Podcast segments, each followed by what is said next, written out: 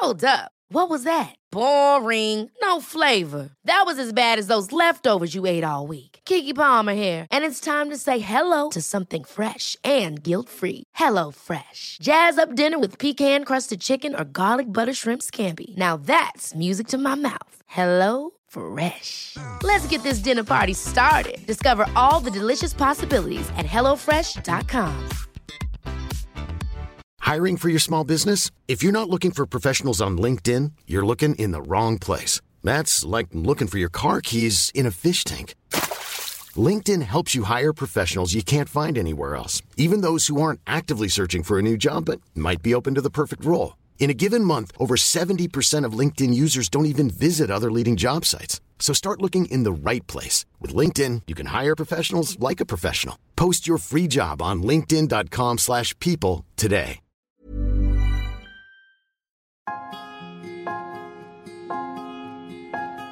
اليوم حلقتنا رح تكون مميزة. حبينا ناخد استراحة من الشغل على الموسم السادس من عيب واللي إن شاء الله رح نبلش ننشره قبل آخر السنة. فقررنا نستذكر المواسم السابقة وندردش مع المقدمين اللي اشتقنا لهم كتير بصوت. إذا بتتذكروا موسمنا الأول قدمته بان برقاوي واللي للأسف ما قدرت تنضم إلنا اليوم. أما الموسم الثاني فقدمت لكم إياه أنا تالا العيسى وأنا موجودة هلأ بالقاهرة. والموسم الثالث قدمته عبير قبطي اللي حاضرة معانا اليوم من برلين.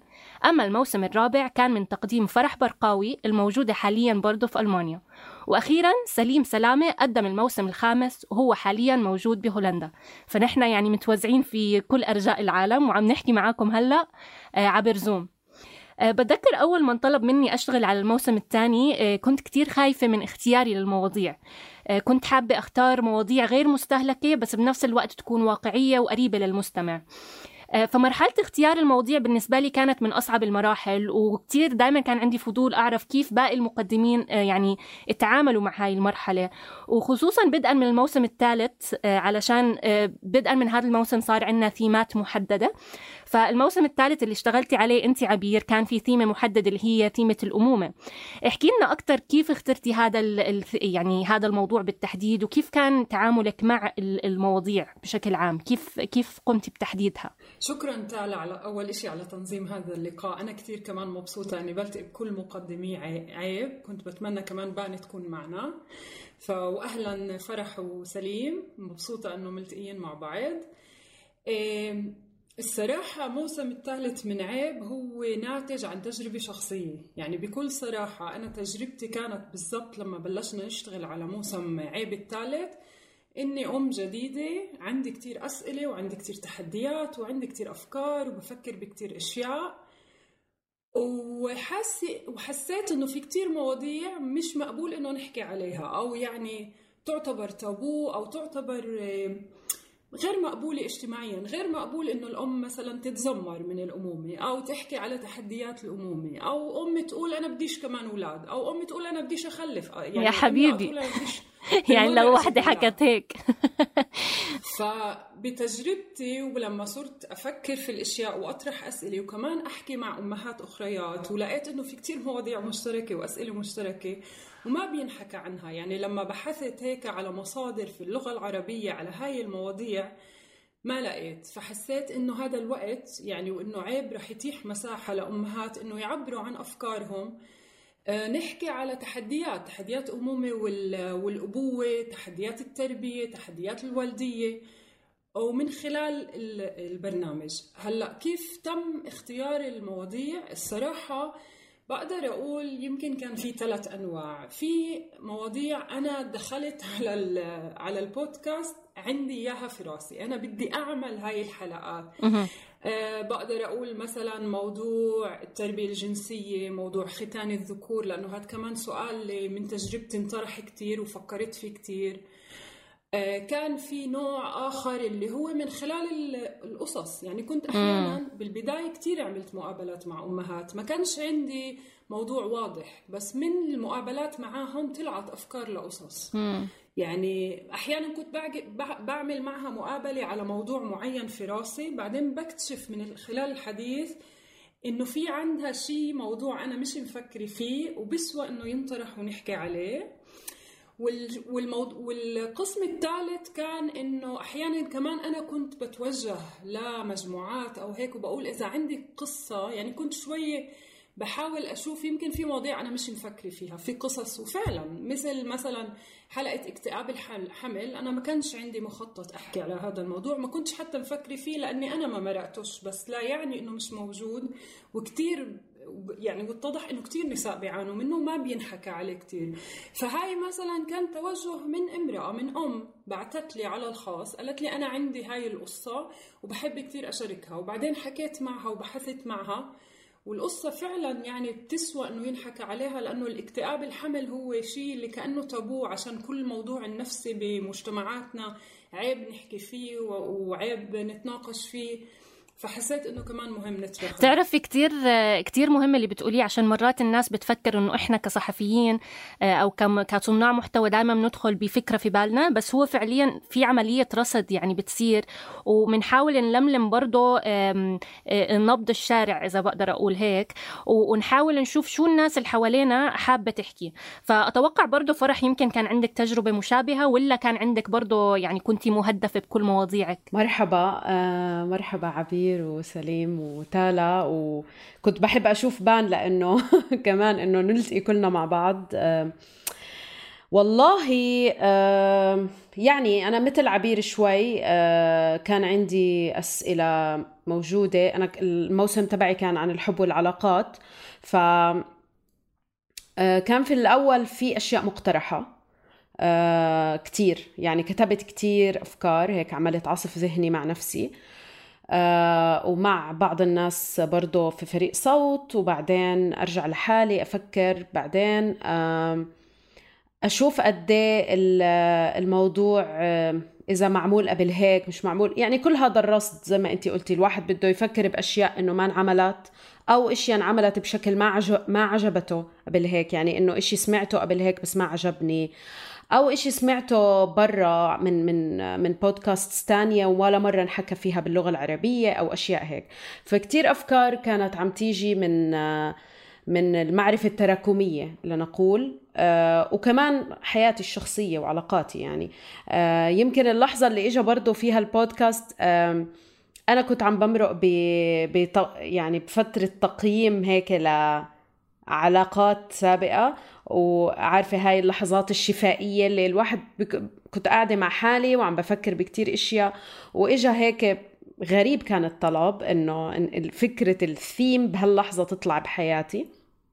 وأخذتها يمكن أنا شخصيا كتحدي شخصي إنه تساعدني آه كمان أسأل أسئلة أنا خايفة أسألها بيني وبين حالي حتى فأقوم حطاها هيك برا كمان. هلا آه في أشياء بالضبط كانت عندي من الأول بس تغيرت كيف صارت لما صار في قصص معاها. يعني مثلا سؤال الاستقلالية بالعلاقات أو سؤال الاستمرارية بالعلاقات.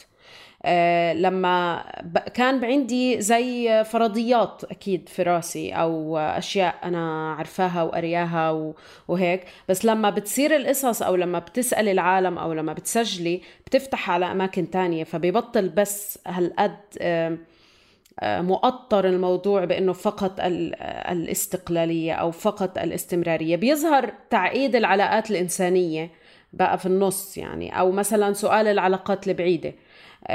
إنه كل حدا عنده تجربته وكل حدا عنده استنتاجاته من هاي التجربة وبالتالي آه، لما بتجمعي القصص بيطلع عندك صورة يعني ولا مرة حتكون كمان مكتملة بس آه على الأقل هيك بتقاربي الموضوع وبتعقديه زي ما هو عن جد في الحقيقة معقدة يمكن بالزبط. آه. آه برضو أسئلة مثل الأذى آه يعني وفكرة الارتباك والأذى إنه مش كل إشي فقط مؤذي فقط مسيء. بس شو يعني الارتباك وقد إيه إحنا بنأذي حالنا أوقات وإحنا مرتبكين؟ وهكذا وهكذا. فأظن آه الأشياء أكيد أكيد بتيجي من في إلها جذر شخصي صغير وإن صغير كان آه بس بعدين بتكبر لما تضيفي الناس معك بالحلقة وتسمعي أصواتهم وقصصهم. أتوقع الحلو يعني بعيب آه إنه يعني هي تجربة صحفية بس بنفس الوقت فيها جانب شخصي فهي إحنا كل الوقت عم نتنقل ما بين العام والخاص الخاص تبعنا إحنا كمقدمين أو كمنتجين كأشخاص عم بيقابلوا الناس وما بين الظاهرة اللي عم نشوفها حوالينا اللي بتأثر على المجتمع بالكامل. وذكرتي إشي عبير يعني آه، آه، استوقفني اللي هو آه، يعني كتبتي انت أو أو عملتي حلقة عن الاكتئاب رغم إنه انت ما ما صار لك. أنا كثير كنت يعني أتساءل ومن أول ما بلشت بالصحافة بتساءل كيف أكتب عن الآخر؟ من غير ما أزاود على تجربته وبرضه من غير ما أقلل من شأن تجربته ومن غير ما أكون الوصي أو الوصية على على التجربة الشخص اللي قدامي عم بيعيشها.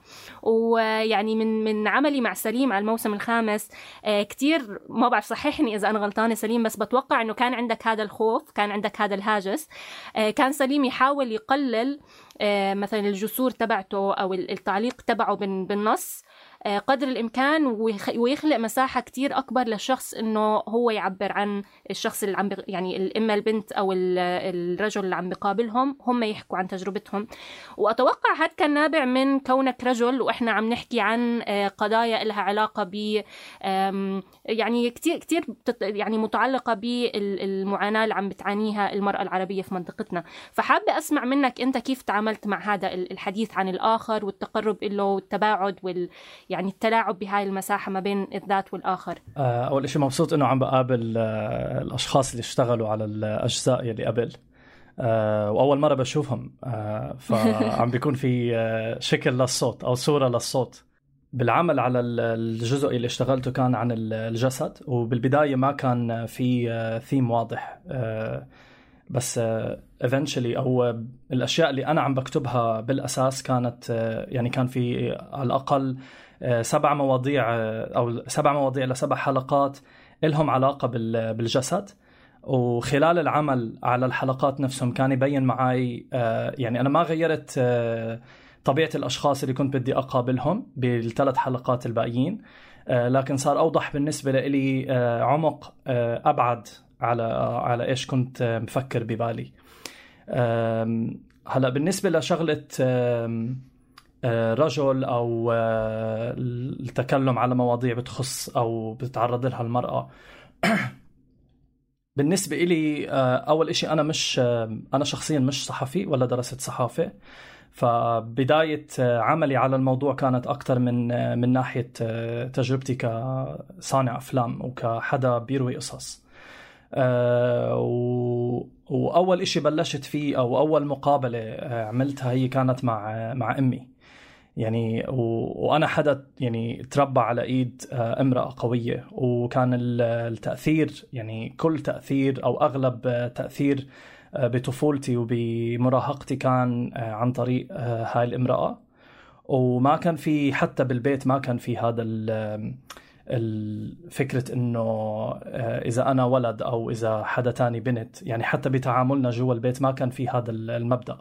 وكان عندي مثال اللي هو إمي بقدر أشوفه إنه ما في هذا ما في الفصل الجندري على الأشياء اللي هي بتقدر تعملها أو اللي أنا بقدر أعملها آه، كطفلها أو كابنها. آه، بالنسبة لي بالحلقات كمان يعني أكيد يعني إحنا بالنسبة لي بنعيش بمجتمع آه، متواصل. إذا أنا ما بكون عم بتعرض للإشي بكون بقدر أشوفه. وبحس إنه جزء من مسؤوليتي إني أقدر أحكي عنه مع الناس اللي آه اللي لهم دخل بالموضوع أو اللي مرقوا بتجارب.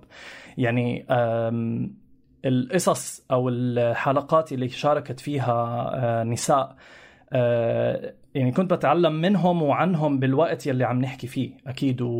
وجزء كثير من ال من ال من النتيجة النهائية كانت موجودة بالتسجيل آه، نفسه.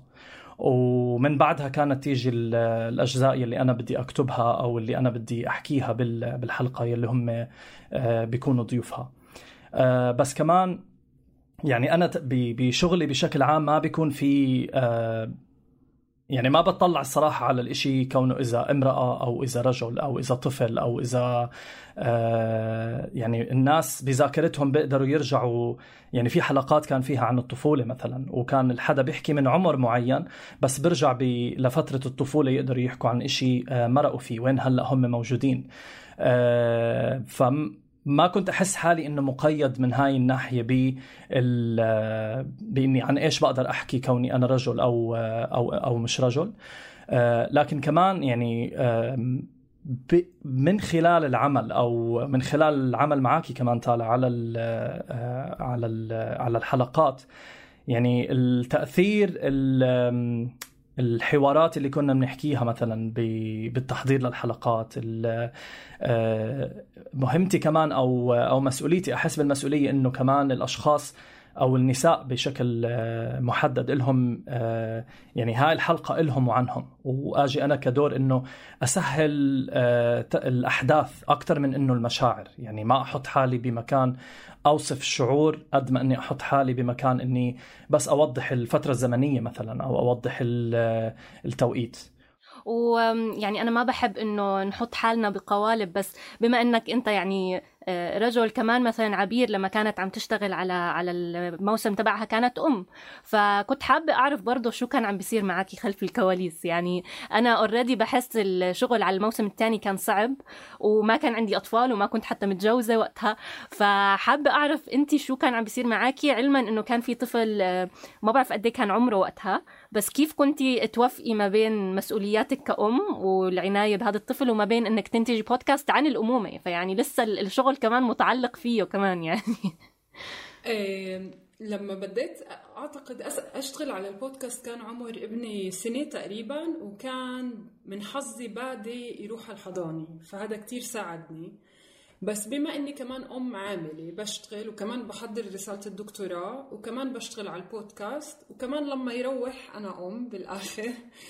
فكان طبعا مرحلة كانت كتير مضغوطة. كنت أشتغل بضغط كتير بس كنت مستمتعة. أنا عادة لما بيكون عندي ضغط بكون عندي طبعا زي كلنا ادرينالين أكتر وبشتغل أحسن وبنتج أكتر. بعرفش ليه بس هيك بصير فبالعكس لأني كنت حابة المواضيع ولأنه عن جد هي كانت رحلة بحث إلي. على المستوى الشخصي أنا كنت حاسة إني أنا في رحلة بحث ورحلة البحث أسئلة طرح أسئلة والبحث عن أجوبة.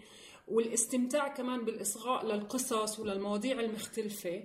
فكنت كتير محمسة للموضوع فما كنتش عن جد تعبانة. يعني كنت بشتغل بوقت اللي هو في الحضانة كنت بسرق الوقت بس كمان بشتغل بالليل. يعني الليل كان بيشهد على الليالي الطويلة من كتابة السكريبتات. بس ما كنتش حاسة إني بضغط كتير. كنت مستمتعة كتير وكنت حاسة ما بعرف كيف أوصفها بس أنا كنت حاسة إنه هي هي يعني كل هاي الرحلة هي إشي صحي كمان لتربيته.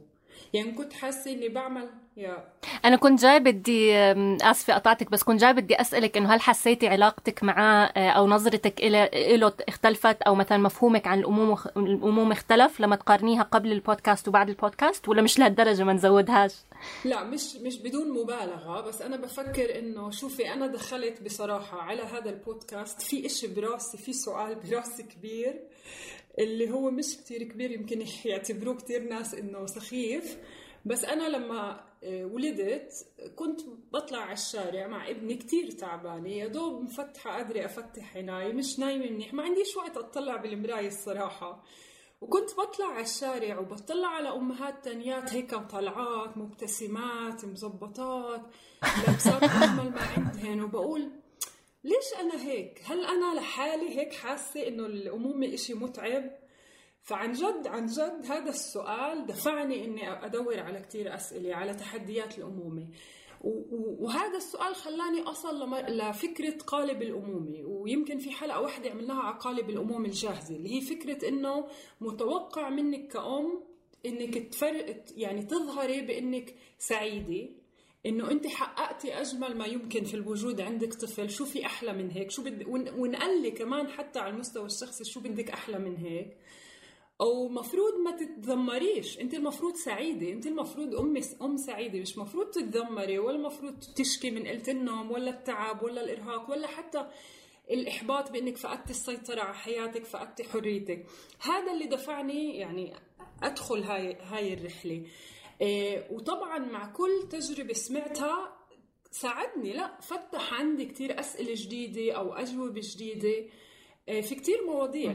بتعرفي أنا يعني أنا مش أم بس كتير عم بلاحظ حوالي قصة إنه الحموات كيف بقعدوا يقارنوا آه، تربية ال ال يعني مرتات آه، اولادهم بتربيتهم لأبنائهم اللي هو لأ إحنا أنتم مدلعات وإحنا زمان كنا مش عارفة شو نشتغل وننظف ونعمل ونربي وما كناش يعني هالقد شو اسمه نتدمر.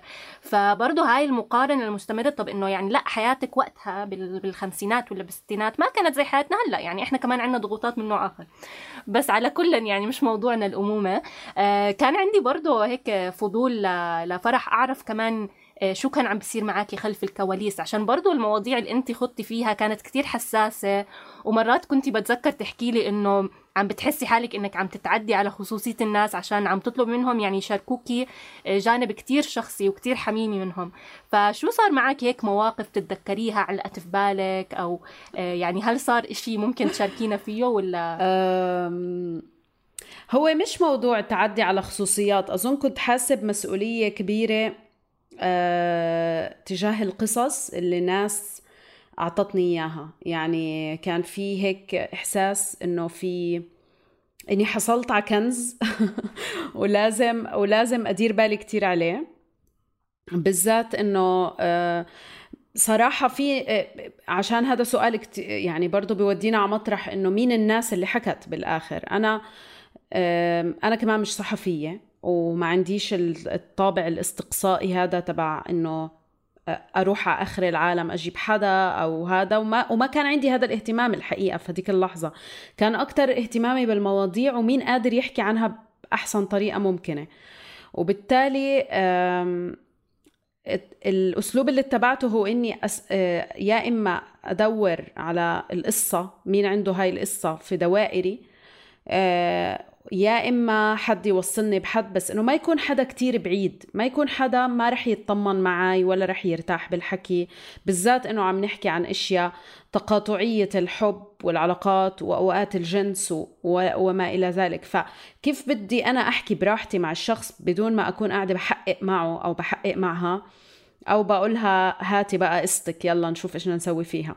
ف طب حسيتي إنه هم يعني أنا كتير مرات كنت قبل ما أشتغل بالصحافة كنت أحس إنه الناس ما بدها تحكي وزيك هيك أحس بمسؤولية وإنه يعني بحس غريب أقعد أسأل الناس عن حياتهم الشخصية مقابل إنه أنا بالآخر يعني هذا شغل بالنسبة لي. طبعا كتير مبسوطة بالشغل وبيعني لي وفي هدف واضح بس بالآخر هذا شغل عرفتي؟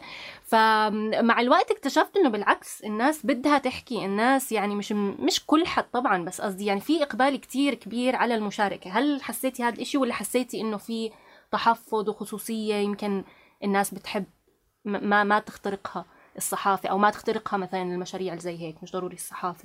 آه، حسب الموضوع مش كل المواضيع الناس مقبلة هالقد وبدها تحكي فيها وبالذات إنه حسب أنت مين الناس وعن شو الموضوع. مثلا آه، لما بدك تفكري إنه عم تحكي بقضية آه، رأي عام مثل الطلاق أو مثل الحضانة ممكن الناس تحكي. تحكي أكثر وتنطلق لأنه في ظهر إلها وفي آه وفي صراع يومي على هذا الموضوع وفي نضال آه آه حقيقي عم يحصل على الأرض. لكن في مواضيع التعددية الجنسية والجندرية مثلا آه والحق بممارسة الحب أيا كان آه ومع مين هذا الشيء آه مش كتير لما الناس ما عم تسمع بصوت عالي عم يحكي فيه كتير بيكون أصعب إنها تشارك قصتها لأنه حتكون من الأوائل.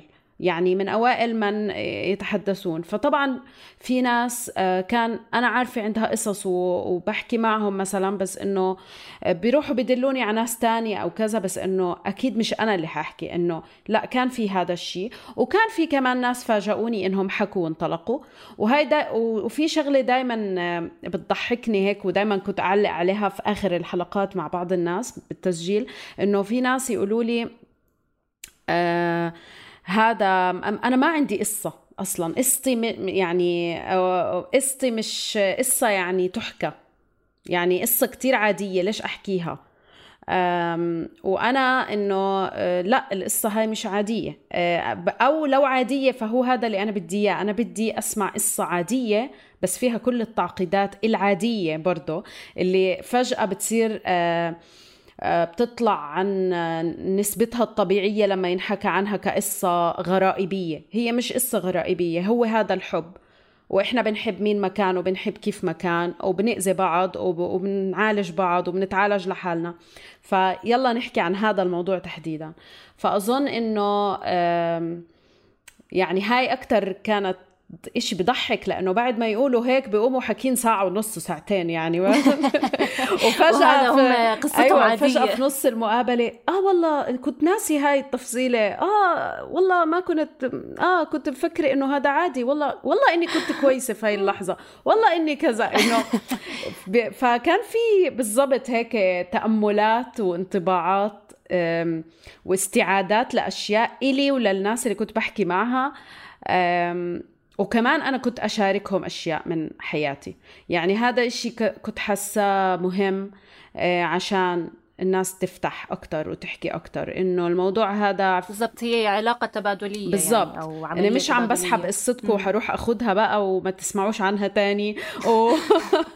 آه. وتلاقوا آه، حالكم فجأة في الإعلام بقى. يعني أو هاي أظن التروما عند ناس بالذات الناس اللي هم بيشتغلوا برضه ب... أو أو مع أو عندهم نشاط أو عندهم دوائر اللي هو أو عملوا قبل هيك interview لقوا كلامهم تغير يعني غير الناس اللي وبلومهمش يعني عن جد بلومهمش. آه. الصحافة يعني لما تحكي عن هالمواضيع كثير مرات ب... بتعالجها بطريقة مبتذلة أو بطريقة بتخرق الخصوصية تاعت الناس اللي عم بيحكوا. بالضبط آه. ف... ف... فكان هذا الشيء أظن هو ال... يعني هو أكتر شيء مش إنه موضوع طريف. أنا مثلا واحدة من المقابلات كان فيها إكس إلي. فهذا إشي بالنسبة إلي كان على سيرة التعالج يعني والعلاج وما إلى ذلك. إنه إنه إنه أنا كمان كنت عم براجع حالي وكان بدي أحط حالي بهذا الموقف آه، إني آه. يعني يعني أسئلتي كانت جزء منها شخصي وجزء منها إنه تعالوا ننكش هالقصة يعني ونشوف إحنا كيف آه، شايفينها هلأ. وكان إشي حلو لأنه أنا تصالحت مع أشياء. أظن إنه آه، الصداقة اللي وهذا الشخص يعني صديق بالآخر. فالصداقة هاي صار إلها عمق آخر بعد بعد هاي المقابلة لأنه حكينا بإشياء مش عننا كمان. يعني مش عن علاقتنا. تماما آه آه. بتعرفي كمان أظن اللي ساعدك بال إنك إنك تعطي يمكن تكسبي ثقة الناس إنك في كتير مرات استخدمتي أسماء مستعارة وهذا الإشي كتير بتوقع حلو. علشان بالاخر فعليا إحنا عن جد بدنا يعني نحاول برضه نطلع من الإطار الصحفي اللي هو بس بده يفضح وبس بده مبني على زي ما قلتي الغرائبية وهيك. إنه خلص مش مش فارق شو اسم هذا الشخص. تعالوا نسمع القصة تعالوا نسمع المضمون شو هو عنده يحكي. وأتوقع سليم يعني أنا هلأ عم عم براجع الحلقات اللي أنت اشتغلت عليهم. في تقريبا حلقة إذا مش أكثر آه، استخدمت اسم مستعار. ف فانت احكي لنا شوي عن تجربتك. هل حسيت في إقبال أو لا؟ وبخصوص القصص العادي أنا بالموسم الخامس من أكثر الحلقات اللي حبيتها هي كانت قصة عادية جدا اللي هي بس رغد وحمزة. إذا بتتذكر فضاء حلقة فضاء اللعب آه، سليم جاب ما بعرف إذا أنتم سمعتوها بس حاليا آه، سليم جاب آه، رغد وحمزة شخصين عاديين جدا. وبس عم بيحكوا عن الألعاب اللي كانوا يلعبوها بطفولتهم بجبال عمان وما في هيك ما في حبكة هالقد تقولي إنه يعني يعني نبني عليها قصة وهيك. بس طريقة طريقة ذكرياتهم طريق طريقة حتى توثيق سليم كانت كتير غنية. وكتير هيك فتحت ابواب مش عادية مع إنه القصة كتير عادية. وبعدين حكينا برضو عن الجسد وعن الفرق ما بين الفتاة وال والولد عند البلوغ. وال وال والمباني كمان. بالزبط. يعني رند رند الحاج حسن اشتغلت معي على هالحلقة و وكان هذا الجزء بين المدينة والمساحات الخاصة والعامة. آه، الفكرة الأساسية كانت من هاي الحلقة أو الفكرة الأولية مش الأساسية. الفكرة الأولية من هاي الحلقة كانت عن توقف اللعب عند المرأة أو الفتاة أو البنت. وبس قابلت آه، رند آه، وحكينا بالموضوع مع بعض. حكت لي إنه إذا إذا بنرجع خطوة لورا وبنتفرج إنه آه، كل حدا تقريبا بينحرم من اللعب مش بس مش بس البنت. آه، بطريقة أو بأخرى. و... وأنا برضو جزء من من الجسد بالنسبة إلي المساحة العامة هي الجسد والمساحة الخاصة والبيت وال... والعقل أحيانا. آه، هو هم كلهم بيقدروا يكونوا جسد بشكل أو بآخر. بس بدي أرجع على على المواقف. مزبوط بالنسبة للأسماء المستعارة. يعني آه، أكيد هذا حق من حقوق الأشخاص يلي بيحطوا ثقتهم و آه، فيي اولا وبالطريقة يلي راح أكون عم بظهرهم فيها. مثل ما هم فعلا هم من دون ما يكون في مزايدة أو آه، أو تنقيص.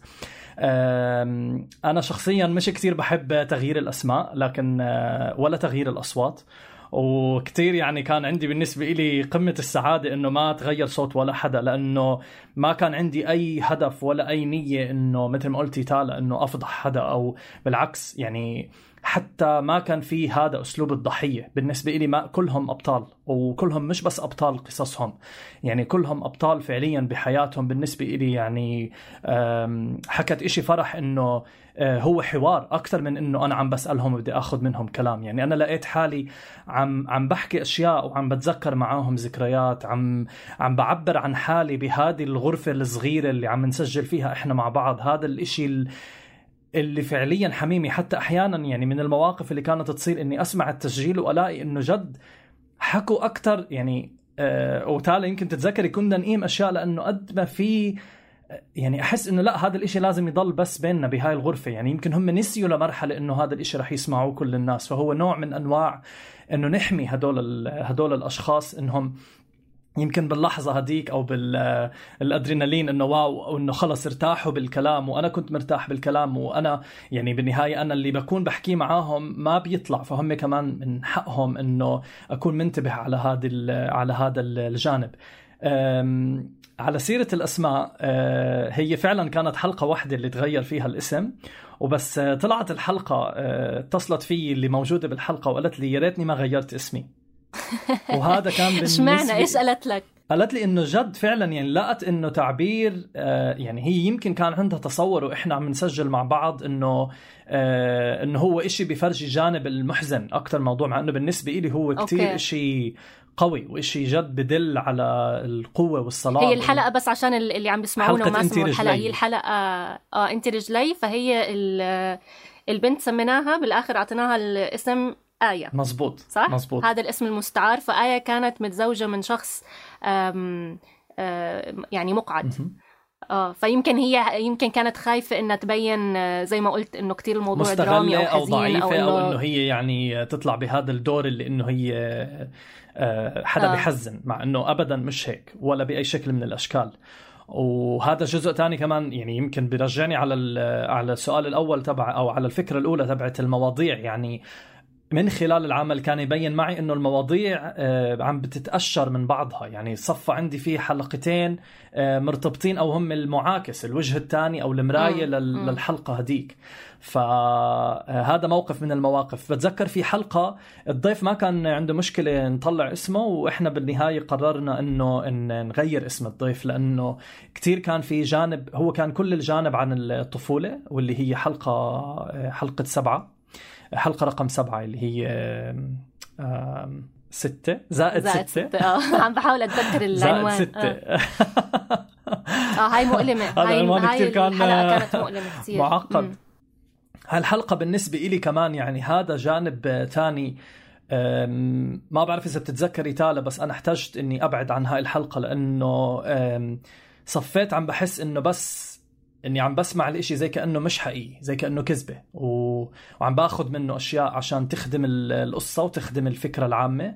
بس كان كتير في تقل تقل نفسي علي. يعني احتجت إني جد أبعد عن عن القصة وأحاول إنه أطلع عليها من من جانب تاني من جانب إنه آه آه هذا الإشي مهم إنه ينحكى لأنه بيصير لأنه موجود ولأنه بس إيش قصدك بكذبة؟ إنه زي, زي كأني عم بقرأ كتاب مش زي كأنه فعليا حدا مرق آه آه, آه من هاي الناحية آه. آه زي كأني عم بقرأ كتاب أو إني عم بعد يعني كانت عم بعدل على كتاب بس فعليا يعني أنا ما عم بعدل أنا عم بس عم باخذ مثل ما قلت بالأول الأشياء اللي فيها الترتيب الزمني أو الأوقات الزمنية عشان تصير القصة بشكل أوضح يمكن الناس لما بيحكوا القصص تماما آه. آه بيحكوها من دون ترتيب زمني فبتصير مهمتي أنا إنه أقدر أحط الأشياء بزمن آه محدد حتى ينفهم وين إحنا موجودين فهذا بالنسبة لي حسيت إنه زي كأنه عم بقرأ إشي خيالي أو قصة خيالية مش إشي فعليا صار مع. م. إنسان كان موجود قدامي وكان موجود معي بنفس الغرفة. وبتذكر وقتها أنت حكيت لي إنك بدك تاخذ هيك ثلاث أيام أربع أيام ما تقرأ النص فأنا قلت يعني إنه قد إيه رح يكون هالقد سيء النص يعني بس قلت مش مشكلة يعني خلص بما إنه سليم طلب.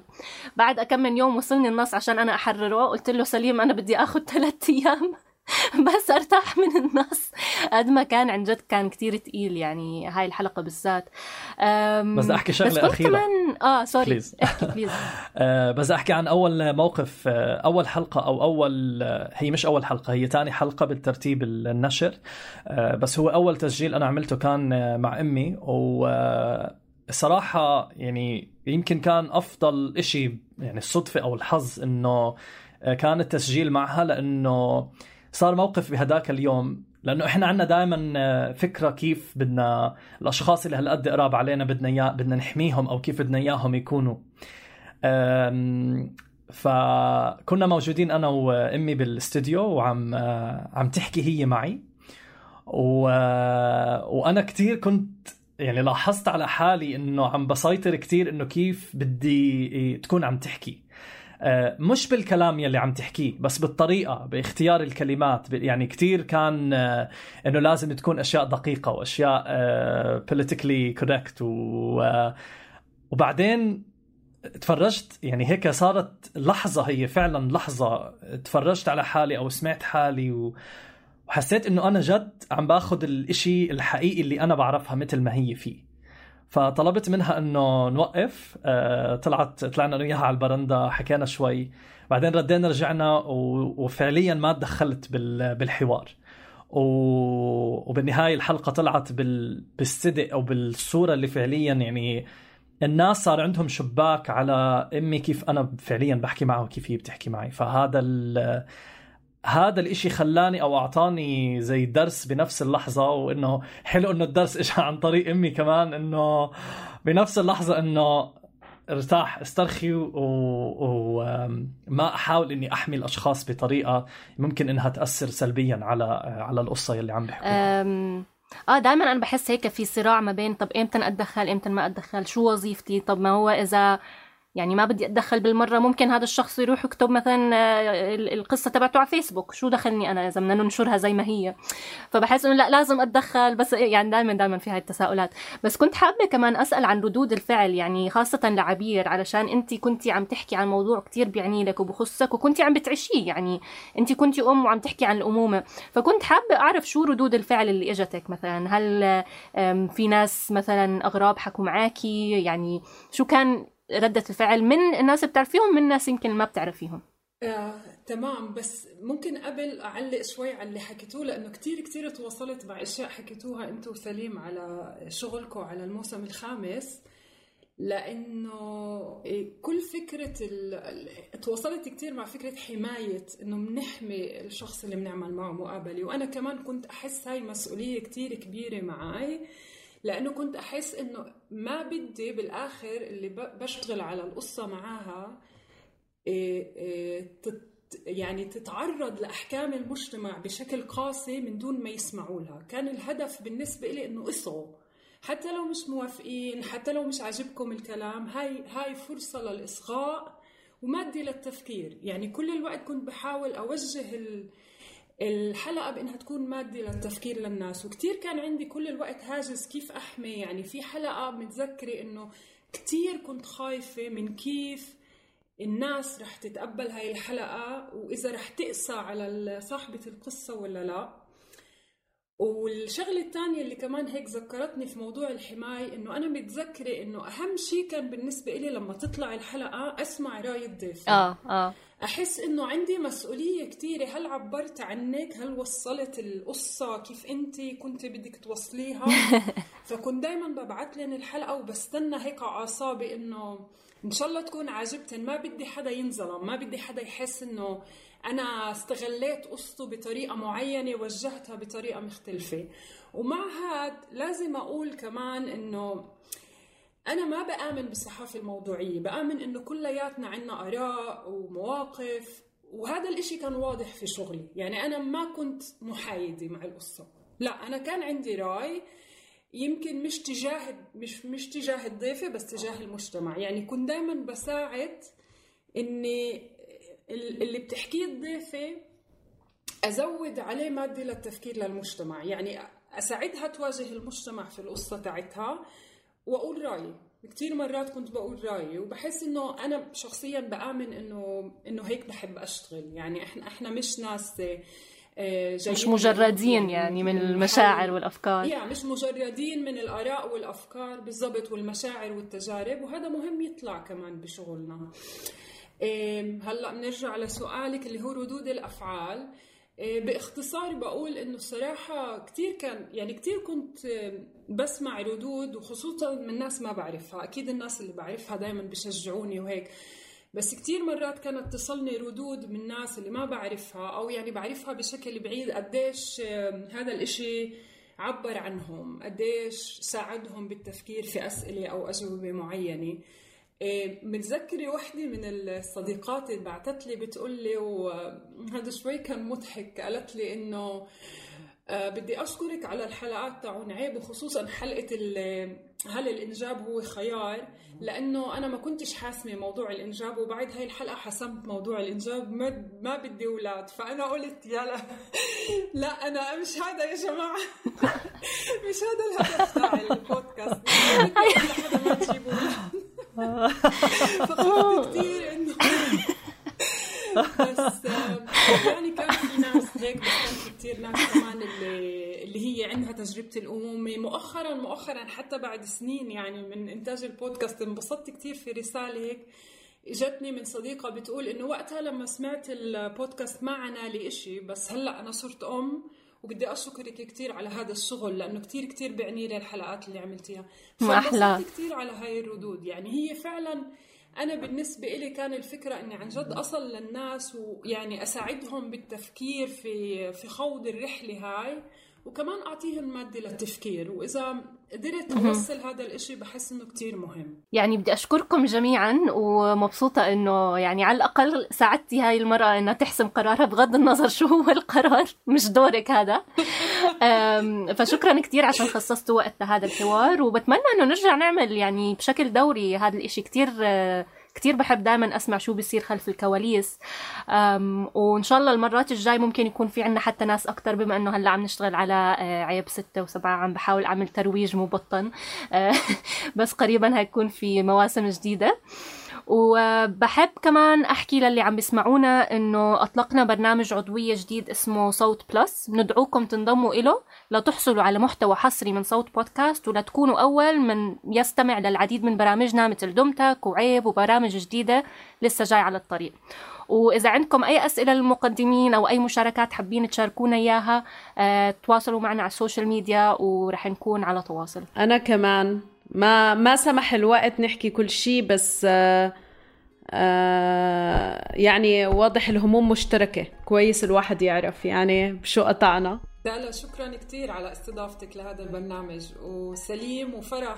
انبسطت كثير في لقائكم. أنا كثير سعيد إني شفتكم وشكرا تالا على تنظيم هال هالقعدة وبانتظار المواسم الجاي من عيب. كمان وكمان.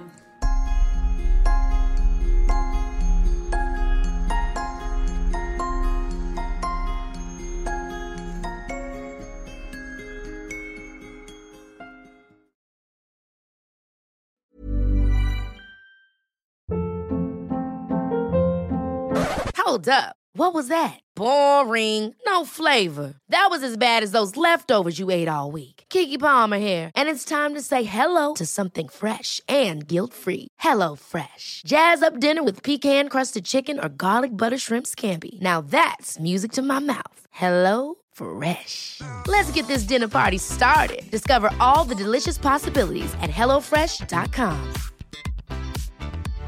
How would you like to look five years younger? In a clinical study, people that had volume added with Juvederm Voluma XC in the cheeks perceived themselves as looking five years younger at six months after treatment. Look younger, feel like you. Add volume for lift and contour in the cheeks with Juvederm Voluma XC. Reverse signs of aging by adding volume to smooth laugh lines with Juvederm Volure XC.